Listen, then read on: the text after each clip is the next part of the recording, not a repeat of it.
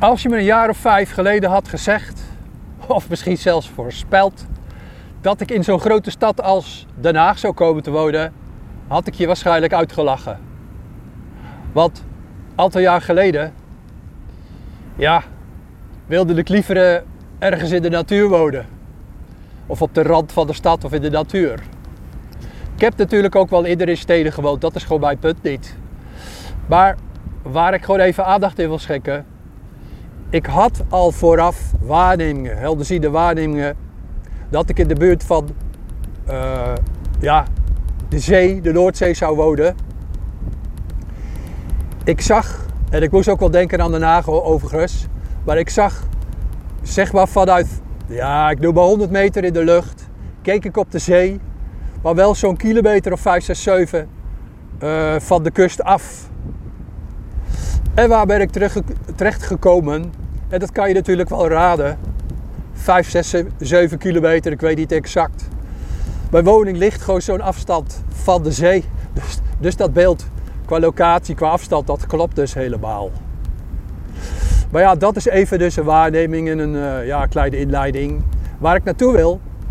Ik voelde van binnenuit, vanuit mijn geest, dus niet de paranormale wijze, maar vanuit mijn geest, voelde ik al een soort raad uh, dat ik een bepaalde richting op zou gaan. Dat ik te maken zou krijgen met de stad, in dit geval Den Haag. Ik voelde gewoon dat ik ergens vast kwam te zitten. En tegelijkertijd mijn vorige stad, waar ik woonde, plek waar ik woonde, dat nam gewoon heel erg af.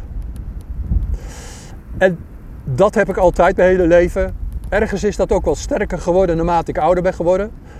Dat valt me ook wel gewoon op. Maar bij uh, vraag aan, de, aan, de, aan jullie beste podcast uh, volgers. Loop dat toch eens een keer voor jezelf na. Heb jij dingen ook gewoon vooraf aangevoeld? Dat je diepte, in de diepte zei van ja, ik ga verhuizen. Uh, ik voel gewoon dat ik naar een andere stad ga. Of ik krijg, er komt een kind. Of mijn kinderen, je, je eigen kinderen krijgen een kind. Weet je, of je gaat een keer toch veranderen naar, uh, naar een andere woning. En wat ik zelf ook wel vaak hoor van mensen, dat ze tegen, tegen mij zeggen van ja, ergens heb ik altijd geweten dat, um, dat ik ooit naar het buitenland ga verhuizen, emigreren of een paar maanden in de, in de, in de winter. Dit soort zaken geef je meer inzicht. Het is meer dan de moeite, moeite waard om daar eens goed over na te denken. En een beetje gewoon ja, na te lopen, te analyseren, wat houdt dat dan in? Is er dan een levensprogramma? Staan er dingen vast? Is er gewoon alleen maar ja, vrije wil, vrije keuze?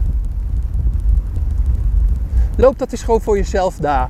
En het is leuk natuurlijk om dan gewoon ook eens met andere, ja, ik noem dat altijd maar soortgenoten, om erover te praten. Misschien heb je een paar mensen in je omgeving waar je er eens over kan praten. En, en uh, je verhaal kan vertellen. En misschien ook hun, hun eigen ervaringen aan jou vertellen.